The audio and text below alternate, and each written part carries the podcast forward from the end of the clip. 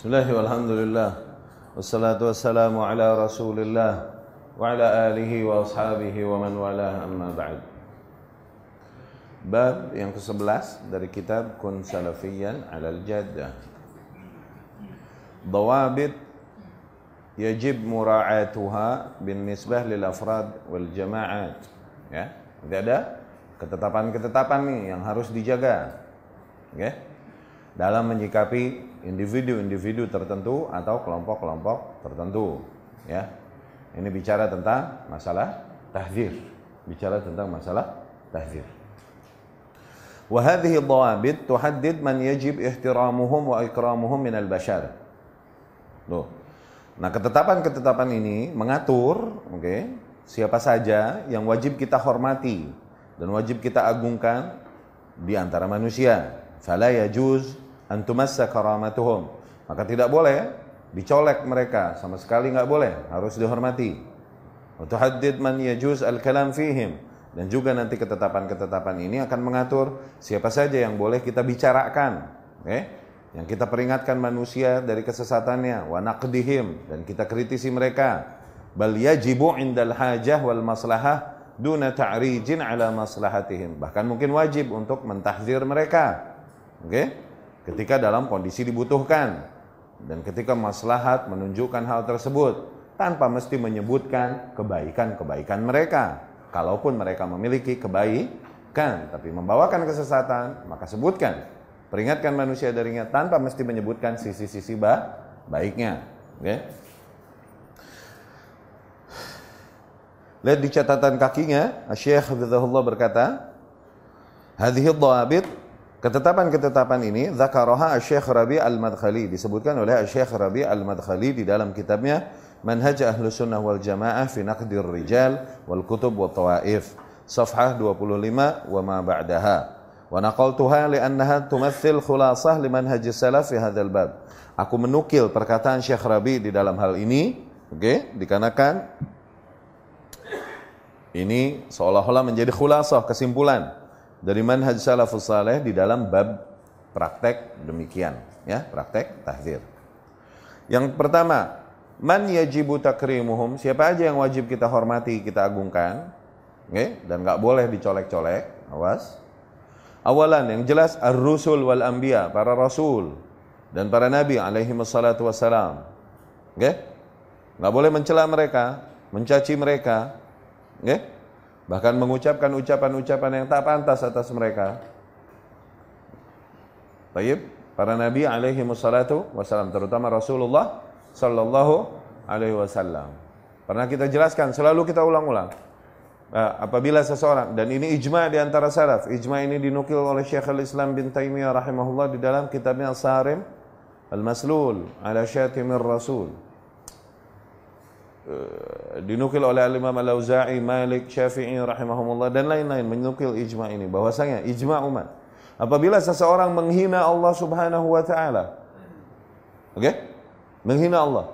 Maka penguasa yang ada menangkapnya dan menuntutnya taubat. Apabila dia taubat darinya, maka dimaafkan, dilepaskan. Dia tidak mau taubat darinya, maka dihukumlah dia, dieksekusi. Berarti dia mati kafir itu. Karena dia tak mau bertaubat dari penghinaannya terhadap Allah Subhanahu wa taala. Oke? Okay?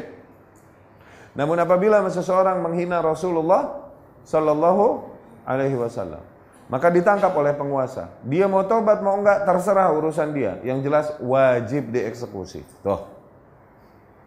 Dia mau taubat mau enggak urusan dia dengan Allah. Tapi yang jelas wajib dieksekusi. Noh. Ini ijma loh, ijma. Sepakat semua madhab. Ahlu sunnah ya. Nah, kita nggak nggak ngitung. Ahlu bid'ah. Apa? Rafidah mungkin liberal dan lain-lain. Nggak kita hitung. Berbicara masih ahlus sunnah. Dibahas tentang ilahnya kenapa? Kok kok kok kok begitu? Menghina Allah aja masih kita ampuni, ya kan? Kok menghina Nabi Shallallahu Alaihi Wasallam gak kita ampuni seolah-olah kita lebih menjaga Nabi daripada Allah sendiri, iya kan? Iya gak? Nangkep gak? Maka ilahnya disebutkan oleh para ulama rahimahumullah. Dikarenakan Allah Subhanahu wa taala adalah zat yang maha mulia. Kalaupun semua makhluk menghinanya dari zaman ke zaman, tidak mengurangi kemuliaannya. Tidak mengurangi kekayaannya, nggak berefek. Bagi Allah Subhanahu wa taala. Lau anna awalakum wa akhirakum wa insakum wa jinnakum kanu ala afjar qalbi rajulin wahidin minkum ma naqasa dhalika fi mulki syai'an kata Allah. Ya. Berbeda dengan Nabiullah Muhammad sallallahu alaihi wasallam, bashar, human being, kasair al-bashar, sebagaimana manusia. Dia bisa buruk dan jelek tercoreng namanya apabila ada yang mencorengnya. No, berefek. Sementara nama baiknya berkaitan dengan agama kebenaran yang dibawa yang dibawakannya dan dia adalah nabi umat Islam. Kalau nabi masih hidup sallallahu alaihi wasallam, nabi sendiri punya hak untuk mengampuninya, masih hidup nabi sallallahu alaihi wasallam. Tapi Nabi telah meninggal, maka tidak ada satu orang pun di antara umat yang punya hak untuk mengambil hak Nabi untuk memaafkannya. Nggak ada. Ya, ini banyak kasus-kasus siroh di dalam hal demikian terjadi ini banyak. Menegaskan praktek salaf di atas konsep demikian. Mereka menghalalkan darah orang-orang yang menghina Nabi Shallallahu Alaihi Wasallam. Itu kufur loh. Itu kufrun mujarrad, pure kufur pure fidelity. Okay? Menghina Nabi Shallallahu Alaihi Wasallam. Maka Nabi Shallallahu Alaihi Wasallam satu yang nggak boleh dicolek. Begitupun para Nabi alaihi wassalatu wassalam. Yang kedua yang kita hormati as-sahabah al-kiram, para sahabat yang mulia radhiyallahu anhum. Ya. Laisa lahum minal a'imma illa al-hub wa tawqir. Minal umma illa al-hub wa tawqir hak mereka atas umat Islam untuk dicintai dan diagungkan. Wa qad athna Allahu alaihim fi kitabih ats-tsana' al-'atir di mana bahkan Allah Subhanahu wa taala sendiri telah memuji-muji mereka di dalam Al-Qur'an dengan sanjungan-sanjungan yang begitu harum. Wa tahaddatsa an manazilihim dan Allah sendiri telah berbicara tentang manazilihim wa jihadihim, tentang posisi-posisi mulia mereka dan dengan jihad-jihad mereka wabazlihim dan pengorbanan mereka fi sabilillah di atas jalan Allah Subhanahu wa taala fil mali wan nafs baik dari sisi jiwanya ataupun raga raganya harta ataupun jiwanya mereka korbankan di jalan Allah Subhanahu wa taala. Wa athna alaihim Rasulullah sallallahu alaihi wasallam al-atir. Demikian pula Rasul sallallahu alaihi wasallam telah memuji-muji para sahabatnya oke? Okay? dengan sanjungan-sanjungan yang sangat mulia afradan wa jama'at baik secara kelompok ataupun per individu. Ada hadis-hadis yang berkaitan dengan fadail tiap individu individu ada juga hadis atau ayat yang berbicarakan tentang keutamaan per kelompok tentang muhajirin tentang ansor gitu kan tentang Ash, Ash'ari dari Yaman kelompok Ash'ari dari Yaman ya Ash'ari sebagai kabi bila awas bukan faham. Kemudian tentang fadail penduduk Syam, fadail penduduk. Ada sebutannya dari Rasulullah sallallahu alaihi wasallam. Keutamaan mereka yang ikut perang Badar, keutamaan mereka yang ikut uh, bai'ah Ridwan, bai'ah Aqabah, gimana itu? Ada. Oke, okay, per kelompok. Ada juga hadis-hadis dari Rasulullah wasallam menyebutkan keutamaan-keutamaan per individu, ya. Dan mereka semua adalah orang-orang yang berkata amin ketika Rasulullah sallallahu alaihi wasallam berdoa ghairil maghdubi alaihim waladdallin dan mereka semua berkata amin. Mereka sholat di belakang Rasul sallallahu alaihi wasallam. Dan Rasul memohonkan petunjuk ihdinas siratal mustaqim memimpin salat mereka. Iya kan? Berikanlah kami petunjuk kepada jangan dimatiin dulu handphonenya. Caranya dicelupin air. Kalau nggak bisa silent. Ditetesin pakai air tuh insya Allah mati. Nah, uh, Rasul Shallallahu Alaihi Wasallam bilang, eh siratal mustaqim, tunjukkanlah kami kepada jalan yang lo. Rasul Rasul lead them, Rasul memimpin mereka dalam salat kan, dan Rasul berdoa, tunjukkanlah kami kepada jalan yang lurus. Jalan orang-orang yang kau beri nikmat atas mereka, bukan jalan orang-orang yang kau murkai, bukan juga bu jalan orang-orang yang tersesat. tersesat. Rasul berkata amin, mereka pun berkata Amin. Maka niscaya mereka mendapatkan apa yang Rasul mohonkan. Bukankah doa Rasul mustajab? Kehormatan mereka yang sholat di belakang Rasulullah Sallallahu Alaihi Wasallam. Kalaupun mungkin per individu, as, as a person, sebagai seorang individu tidak ada hadis-hadis yang berkaitan dengannya mungkin, tapi dia adalah orang yang pernah sholat di belakang Rasulullah Shallallahu Alaihi Wasallam dan Rasul berdoa demikian dan mereka mengaminkannya, mereka mendapatkan kemuliaan. Ya. Rasul Shallallahu Alaihi Wasallam memuji mereka, baik per individu ataupun per kelompok. Wajan Nabi fadailihim wa makarihim a'immatul Islam. Demikian pula para imam-imam sepanjang sejarah. Okay? Mereka banyak meriwayatkan keutamaan-keutamaan para sahabat dan kehormatan-kehormatan para sahabat. Fa'allafu fi fadailihim wa manaqibihim. Sehingga para imam, para ulama dari zaman ke zaman banyak menyusun buku-buku tentang keutamaan-keutamaan mereka. Wa manaqibihim. Tentang posisi-posisi yang mereka yang mulia di Islam, di sisi Allah, di sisi Rasulnya sallallahu alaihi wasallam. Ya. Wa qad naha Rasulullah sallallahu alaihi wasallam an sabbihim. Rasul telah melarang ya kita untuk mencela mereka, mencela para sah sahabat. Rasul berkata sallallahu alaihi wasallam, "La tasubbu ashabi." Janganlah kalian cela para sahabatku. Fawalladhi nafsi biyadih. Demi zat yang jiwaku berada di tangannya. Lau anfaqa ahadukum mithla Uhudin zahaban, andai saja salah seorang di antara kalian berinfak di jalan Allah emas segede gunung Uhud. Nah, kebayang nggak? Sodakohnya emas. Berapa gram? Nggak nanggung, segede gunung Uhud lagi. Tuh, di jalan Allah. Ma balagha mudda ahadihim wala nasifah. Itu tidak bisa menyaingi amalan mereka kalaupun cuma segenggam, enggak juga setengahnya. Allah. Lihat, dikarenakan pengorbanan mereka dan mengalirnya pahala kaum muslimin yang datang berikutnya kepada mereka. Mereka dikarenakan mereka yang membuka jalan untuk is untuk Islam, ngalir semua kepada mereka. Ya, maka di antara ciri-ciri mutlak ahlul bid'ah adalah di mana mereka membenci dan mencela sahabat Rasul sallallahu alaihi wasallam. Kemarin kita bahas di usul sunnah Imam Ahmad, iya kan? Karena mubtadi'an, mencela sahabat Rasul, membencinya, maka fix dia seorang ahli bid'ah. Sampai dia bertaubat darinya wa yataraham alaihim dan mendoakan seluruh kerahmatan bagi para sahabat radhiyallahu anhum. Hadis tadi muttafaq alaih diriwayatkan Imam Bukhari dan Muslim. Walaqad arafa manzilatuhum eh walaqad arafa manzilatahum ahlu sunnati wal jamaah. Demikian para ahlu sunnah wal jamaah. Kita mengakui posisi mereka yang mulia. Fahafadhu alaiha ayyuma hifadh. Dan para ahlu sunnah menjaga kemuliaan mereka dari zaman ke zaman. Dengan penjagaan yang luar biasa. Wa nahau anil khawdi fima syajara baina Ali wa Muawiyah radhiyallahu anhum.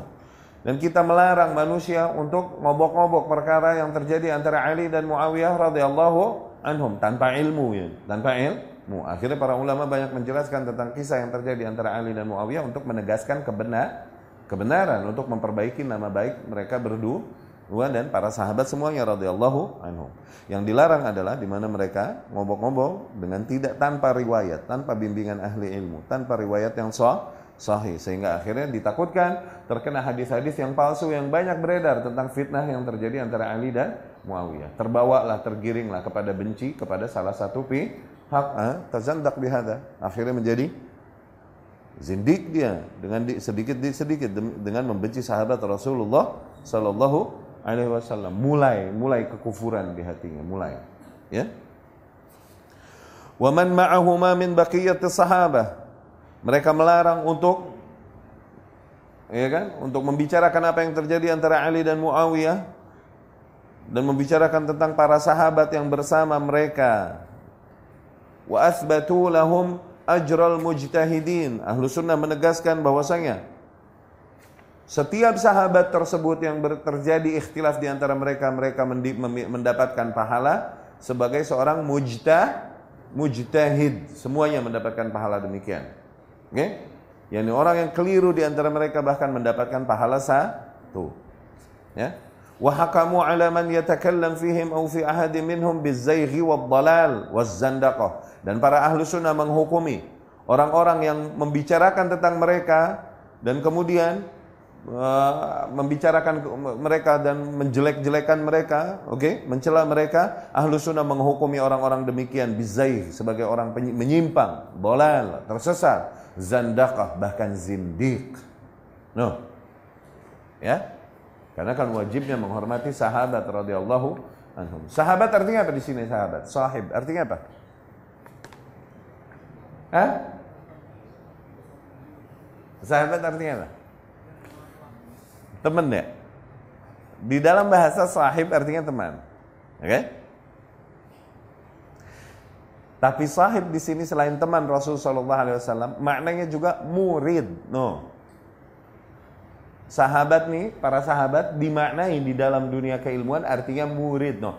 Ashab Abi Hanifah, para sahabat Abu Hanifah. Ya ini siapa? Muhammad ibn Hasan Asy-Syaibani, Abu Yusuf. Murid-muridnya, Ashab Malik, para sahabat Malik. Ya ini murid-muridnya Imam Ma? Ashab Asy-Syafi'i, murid-murid Imam? Ya, dan lain-lain. Ashab juga artinya adalah pupils, murid-murid. Ya? Secara bahasa juga artinya sahib, teman. Ya.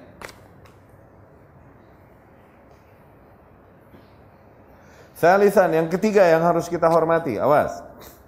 At-tabi'una lahum bi ihsan. Ah, para golongan tabi'in yang mengikuti para sahabat dengan baik alladzina adraku sahabat Rasulullah sallallahu alaihi wasallam yang mengalami masa sahabat Rasulullah sallallahu alaihi wasallam wahtadau bihadihim dan mengikuti petunjuk yang datang dari para sahabat mislu fuqaha Madinah sab'ah seperti para ahli fikih Madinah yang tujuh wa man jara ala manhajihim fi sairil amsar dan mereka yang berjalan di atas konsep dan metode yang sama dengan para sahabat di negeri-negeri mana pun Thumma man ba'dahum min a'immatil hadis.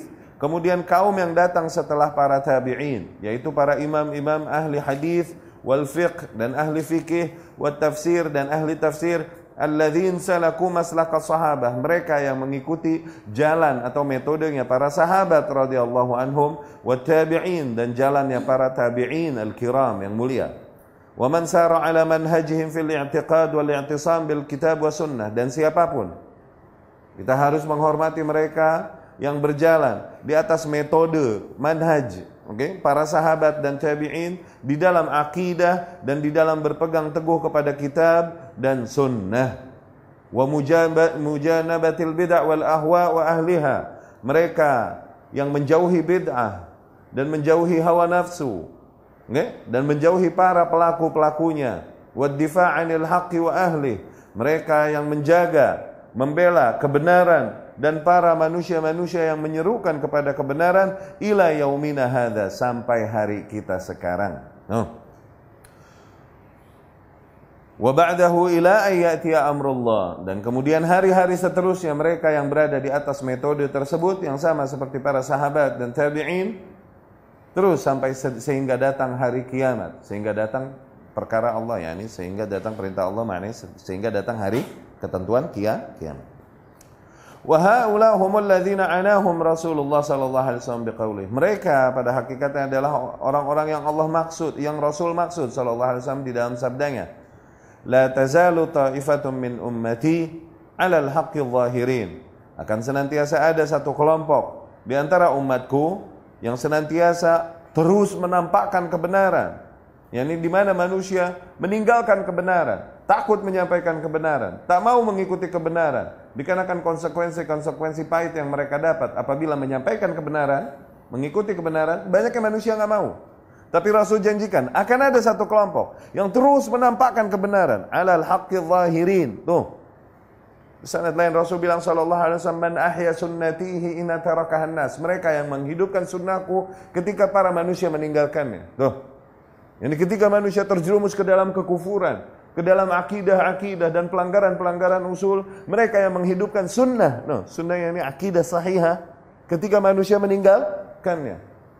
Okay? mereka yang berbuat saleh ketika para manusia berbuat fasid berbuat kerusak kerusakan. Ya?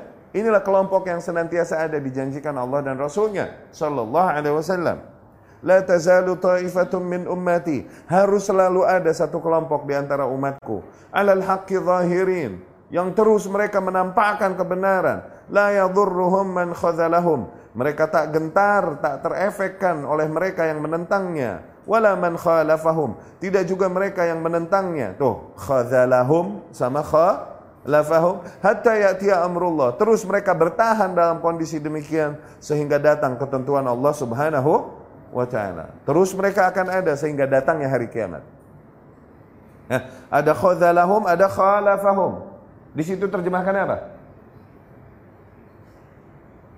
Hah? Apa bro? Terjemahannya? Khadzala sama khalafa. Merendahkan sama menyelisihi. Nih, khadzalahum sama khalafahum yakni menentang, dua-duanya menentang. Cuman khadzalahum dari muslimin. Khalafahum dari kafir. Oh, catat. Khadzalahum minal muslimin. Khalafahum minal kuffar. Mereka menghadapi dua musuh itu. Musuh dari bagian kaum muslimin sendiri yang nggak menerima seruannya kepada tauhid yang murni, kepada sunnah Rasul yang murni sallallahu alaihi wasallam. Mereka menghadapi ujian dari muslimin sendiri yang yukhadiluhum. Nah. Oke? Okay? Yang merendahkannya, menghinanya, mencacinya dan seolah-olah menyerahkannya kepada kafir. Loh. Bukannya membela, melindunginya, menghadapi kafir, malah ikut menyerangnya bersama para kafir khalafahum menentang mereka dari golongan kafir. No, kalau khalafahum dari golongan kafir, khadzalahum dari khadzalahum ay minal muslimin, khalafahum ay minal kuffar. Ya. Itu yang menentang mereka. Bukan hanya musuh dari luar barisan, tapi dari dalam barisan juga. Siap-siap. Ya. Qala Syekhul Islam Ibn Taimiyah rahimahullah, Syekhul Islam Ibn Taimiyah rahimahullah berkata fi amsal haula menjelaskan tentang mereka, oke? Okay? Permisalan mereka, yakni permisalan mereka Taifah Mansurah ini. Ini yang dibilang Taifah Mansurah, ya. Ibn Taimiyah rahimahullah berkata, "Wa man ulima minhu al-ijtihad as-sa'igh, fala yajuzu an yudhkar ala wajhi adh-dham wa at-ta'thim lah." Fa inna Allah fa inna Allah ghafurun lahu ghafara lahu khata'ahu bal yajibu lima fihi minal imani wa taqwa wa muwalatuhu wa mahabbatuh wal qiyam bima aujaballahu min hukukihi min sana'in wa du'ain wa ghairi dzalik. Tuh. Dan barang siapa yang kita ketahui ijtihad darinya dan ijtihad yang darinya ini kalaupun keliru, tapi umumnya manusia pada masa itu berijtihadnya demikian, kalaupun keliru maka tidak boleh kita celak mereka. Kenapa? Secara umum mereka berada di atas manhaj salafus Soalnya pada masa itu di negeri itu banyaknya orang berpendapat demikian dan itu keliru misalnya. Tapi secara umum mereka berada di atas manhaj salafus. Nah yang kayak begini nggak boleh kita sebutin, nggak boleh kita celak, nggak boleh kita cerca, tapi kita doakan ampunan baginya dan kita berikan uh uzur dan ijtihad bagi mereka. Kalaupun keliru juga mereka mendapatkan pahala sah, pahala satu, ya. Dikarenakan Allah sendiri telah mengampuni kesalahan-kesalahan mereka. Bal yajibu fihi minal iman wa taqwa wa muwalatuhu wa mahabbatuh. Bahkan yang termasuk bentuk keimanan dan ketakwaan adalah kita wajib terus membelanya dan mencintainya. Wal qiyam bima aujaballahu min hukukihi. Dan kita harus terus memenuhi, oke, okay, sebagai bentuk kewajiban kita kepada Allah, kita harus memenuhi hak-hak mereka, yaitu untuk apa? Untuk mendapatkan pujian dan sanjungan dan doa kebaikan dari kita semua. Tuh. Ini di antara para sahabat katakan ada yang keliru di dalam berijtihad, oke? Okay? Namun pada masa itu dengan segala hikmah yang Allah telah takdirkan demikian, nggak boleh kita mencela dan mencerca mereka, nggak boleh. Di antara para tabi'in, di antara para ulama, imam-imam yang berjalan di atas, secara umum berjalan di atas manhaj salaf. Oke, sampailah mereka kepada kesimpulan ijtihad yang keliru. Dikarenakan apa? Ijtihad sair pada masa itu orang banyaknya umumnya ke situ ijtihadnya. Kalaupun keliru, kita nggak boleh ngomongin keburukan mereka dan mendoakan keburukan bagi mereka. Kenapa? Sisa-sisa ilmunya yang lain semuanya sesuai dengan yang hak. No kebaikan banyak darinya dan kemudian kesalahan yang terjadi ijtihadnya sifatnya ijtihad sair. Oke? Seperti di antara para imam mungkin ada yang kepleset di asma was sifat. Kita tahu. Iya kan?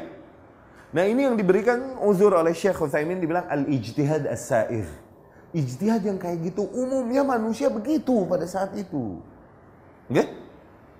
Para ahli ilmu yang dia temui juga umumnya begitu dulu, mentakwil asma was sifat. Akhirnya kita berilah dia toleh, toleransi dalam hal tersebut. Kenapa? Di antara selain perkara itu, Semua hal-hal dan ilmu yang datang darinya sesuai dengan kawaid dan doabit ahlus sunnah. Kita hitung itu zillahnya, keplesetnya. Sudah. Kita doakan seluruh ampunan dan berikan seluruh uzur baginya. Ini bagi para i, imam. Ya, rahimahumullah ahya'an wa amwatan. Ya, bahkan sebagai bentuk keimanan dan ketakwaan kita, tetap wajib kita membela nama mereka. Oke? Okay? Kita membela nama baik mereka dan mendoakan seluruh kebaikan bagi mereka ya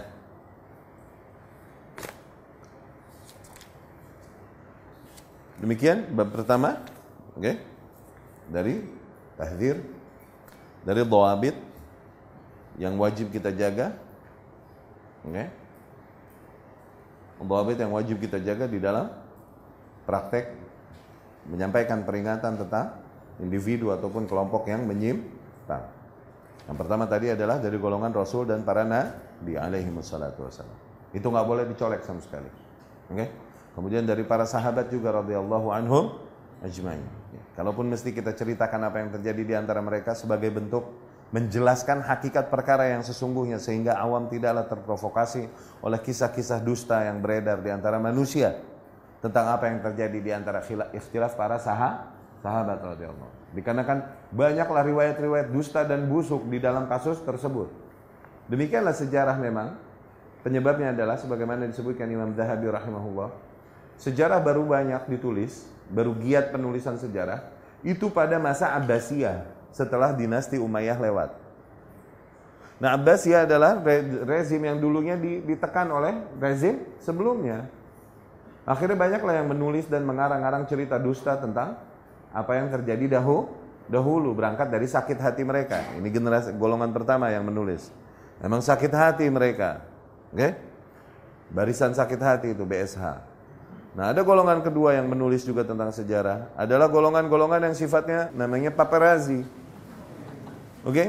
Mereka adalah kaum yang yaktub liyakul. Mereka cuma nulis dengan tujuan cari makan udah. Dia lihat yang lagi tren apa nih yang lagi tren sekarang. Oh yang lagi tren masalah ini. Mereka ikutan nulis di situ. Ikutan ngejelek-jelekin. Membuat berita-berita dusta dalam hal itu. Tuh. Kenapa? Yang ngetren dan yang headline news yang hot masa ini ya itu. Mereka ikut di situ nambah keruh suasana. Dan golongan ketiga adalah para ahli ilmu yang menyampaikan riwayat apa pun, berita apa pun yang beredar mereka sampaikan dengan sanadnya. Oke? Okay? Sehingga para ahli ilmu yang datang setelahnya dapat meneliti apakah berita ini benar atau tidak dengan melihat sa sanadnya. Nah, ini yang ketiga. Oke? Okay? Nah, para ulama rahimahumullah ahya'an wa amwatan sering kali menjelaskan apa yang terjadi di antara Ali dan Muawiyah radhiyallahu anhum dan para sahabat yang bersama mereka berdua dengan tujuan apa? Menjelaskan perkara yang sesungguhnya. Agar manusia tidak terus bertanya-tanya dan ngorek-ngorek sehingga sampai kepada kesimpulan yang keli, keliru. Itu tujuannya. Ya. Namun tetap dengan mendoakan seluruh kerahmatan bagi mereka, okay? dan juga tetap meyakin dan menegaskan bahwasanya mereka adalah kaum yang Allah Subhanahu wa taala sendiri telah ampuni kesalahannya dan Allah dan, dan kita meyakini bahwa mereka mendapatkan pahala ijtihad. Ya. Golongan kedua para sahabat, kemudian setelah itu para tabi'in. Okay? Tiga generasi tersebut adalah salah satu kurun al-ura. Okay? Salah satu kurun al-ula. Tiga generasi A awal. Yang menjadi patokan kita dalam beragama, di dalam mengikuti, memahami dan mempraktekkan nilai-nilai yang datang dalam kitabullah atau dari sunnah Rasul Sallallahu Alaihi Wasallam kita lihat bagaimana praktek dan amalan generasi awal tersebut. Bagaimana mereka memahaminya. Tidaklah kita memahami dan mempraktekkan berbeda dengan cara yang berbeda dengan seperti apa yang mereka fahami dan sampaikan. Ya, dan kita cukupkan dulu sekian. Insya Allah pertemuan yang akan datang lebih lebih panjang, oke? Okay? Tentang membahas tentang siapa saja individu atau kelompok yang boleh kita celak dan kita tahdir, kita peringatkan manusia dari bahayanya.